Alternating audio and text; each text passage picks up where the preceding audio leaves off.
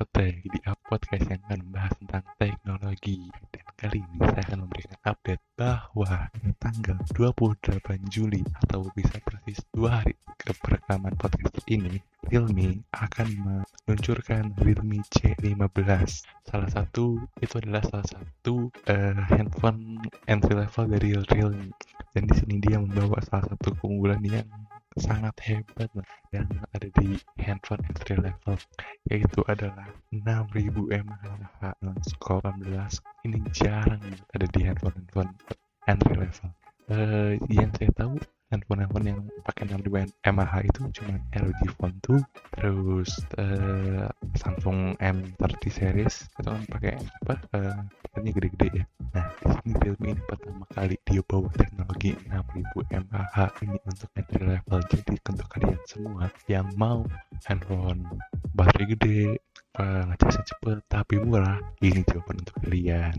Nah dan ini bukan cuma keunggulan utamanya tapi ada keunggulan-keunggulan lain yang dibawa oleh Realme C15 salah satunya adalah chipset. Chipset itu pakai G35 Helio G35 itu salah satu chipset gaming yang sama dengan Realme C11 nya ya kita tahu itu nggak ada peningkatan karena itu pun udah bagus untuk kelas entry level itu udah cukup udah bagus. Dan yang lain selain chipset adalah kameranya. Dia pakai empat kamera. Uh, jujur gue belum tahu apa aja yang dipakai di situ ya mungkin kamera utama pasti kamera ultrawide depth sensor sama makro itu yang biasa dipakai tapi untuk pastinya gue belum tahu itu aja lah cukup kayaknya kalau misalnya kalian mau untuk nonton live streamingnya ini ada di YouTube-nya Realme dan untuk kalian pencinta Iqbal Ramadan kalian wajib banget nonton stream ini karena bakal ada Iqbal Ramadan sebagai brand ambassador Realme. Oke, sekian dari podcast saya. Kalau misalnya pertanyaan bisa dikirim ke Instagram saya @farelpedro18 underscore.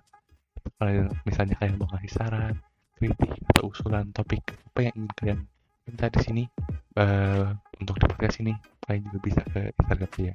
Nah, kalau misalnya kalian bisa mau uh, apa reviewnya atau apa gitu, karena karena gue nggak mungkin beli HP itu dan gue nggak mungkin bikin videonya salah satunya adalah bikin podcast yang murah. Nah makanya gue bikin ini. Kalau misalnya kalian minta, minta reviewnya atau pendapat tentang spesifikasinya DM gue gue bakal bikin janji. Oke segitu aja. Terima kasih untuk telah mendengar podcast ini. Dadah